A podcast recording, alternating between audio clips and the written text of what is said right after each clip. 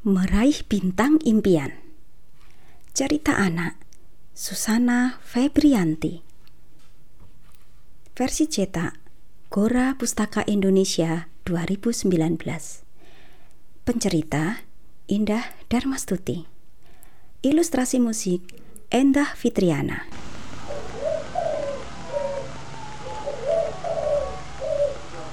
Suasana pagi itu tampak begitu cerah Mentari yang memancarkan sinar kehangatan dan burung-burung yang berkicauan memberi energi bagi setiap orang yang memulai hari dengan semangat baru. Namun, energi itu sepertinya tak mampu menembus sebuah kamar. Di kamar itu tampak seorang anak perempuan berusia 10 tahun yang masih asik bersembunyi di bawah selimut hingga seorang perempuan dewasa kemudian masuk ke kamar tersebut. Perempuan itu segera membuka tirai sehingga sang surya dapat memancarkan sinarnya ke dalam ruangan itu. Namun, gadis kecil itu masih berkeming. Ia masih nyaman dengan pelukan hangat selimut yang membalutnya. Bintang, ayo bangun.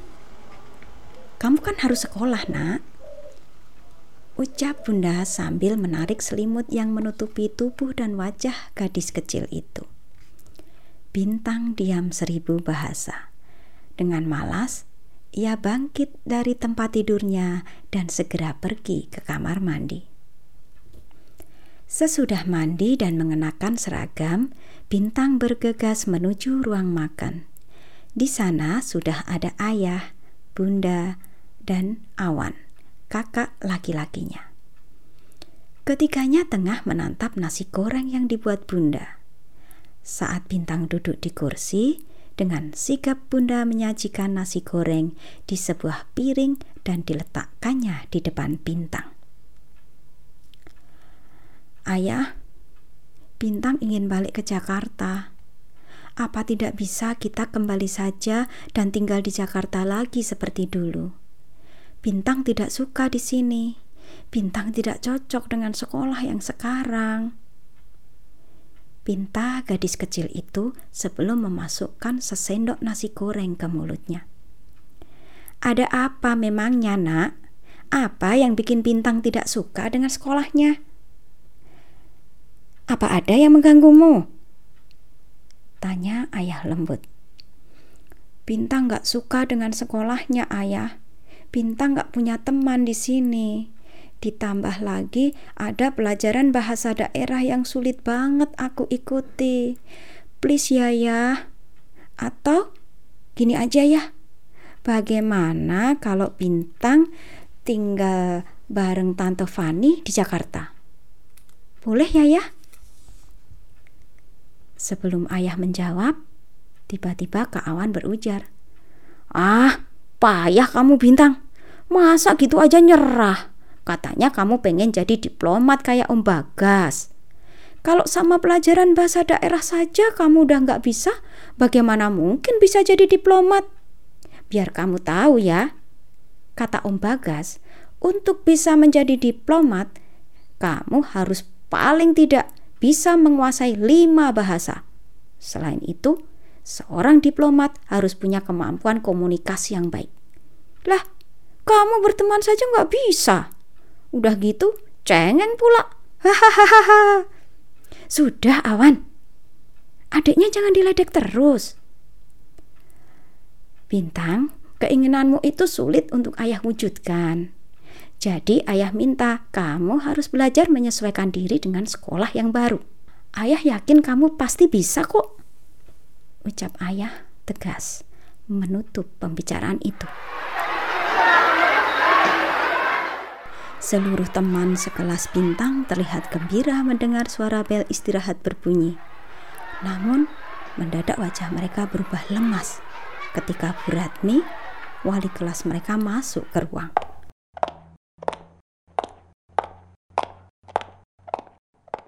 Ada maksud apakah sehingga guru kelas tersebut mendadak masuk saat jam istirahat ya? Tanya anak-anak tersebut di dalam hati.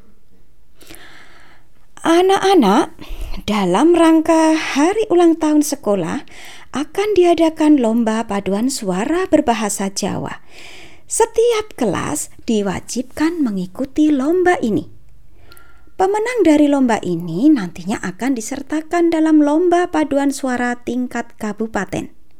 Jadi, kita harus mempersiapkan sebaik-baiknya. Ada yang punya usul untuk persiapan lomba ini? Awalnya Bintang tak begitu antusias dengan lomba tersebut. Tapi ia teringat ucapan Kak Awan tadi pagi. Ia merasa tertantang ingin menunjukkan bahwa dirinya tidak selemah anggapan kakaknya itu. Sebuah ide pun muncul di benaknya. Dengan segera, ia mengacungkan tangan. Ya Bintang, ada usul apa? Tanya Bu Ratmi. Kelas itu mendadak sepi. Semua mata memandang ke arah bintang. Ia pun berdiri di tempat duduknya. Ditariknya napas panjang. Mencoba menenangkan diri agar tak tampak gugup di hadapan teman-temannya. Kalau boleh, saya ingin Bu Guru dan teman-teman semua untuk berlatih paduan suara di rumah saya. Kebetulan di rumah saya ada alat musik keyboard yang bisa digunakan untuk mengiringi latihan kita nantinya. Wow, usul yang menarik.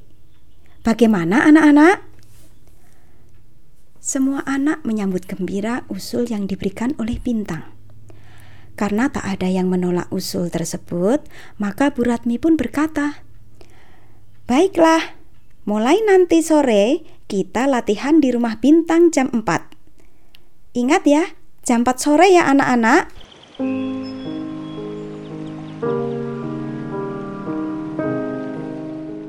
Sore harinya, teman-teman sekelas bintang datang dan berlatih paduan suara bersama guru mereka, Bu Ratmi. Mereka berlatih dalam suasana yang santai namun tetap serius Bintang mulai merasa nyaman dalam kebersamaan dengan teman-temannya itu. Selesai latihan, beberapa teman dan Bu Ratmi pun berpamitan pada Bintang serta Bunda. Namun, Niken yang rumahnya selisih berapa rumah dari sana tetap tinggal. Wah, Bintang, kamu ternyata orangnya baik ya. Aku dan teman-teman ternyata salah mengira tentangmu. Kami pikir kamu orangnya sombong. Soalnya, kamu kelihatan kayak enggak mau bergaul dengan kami, kata Niken tiba-tiba. Maaf ya, kalau kalian jadi salah paham mengenai aku. Aku sebenarnya bingung mau ngobrol apa dengan kalian. Soalnya kalian sering pakai bahasa Jawa, padahal aku nggak paham sama sekali kamu bisa belajar bahasa Jawa dengan mbakku yang guru bahasa Jawa. Usul Niken. Sejak saat itu, hubungan Bintang dengan teman-temannya semakin akrab. Apalagi ia dan Niken bersahabat karib. Semua pengalaman tersebut semakin meyakinkan Bintang untuk mewujudkan cita-citanya menjadi seorang diplomat.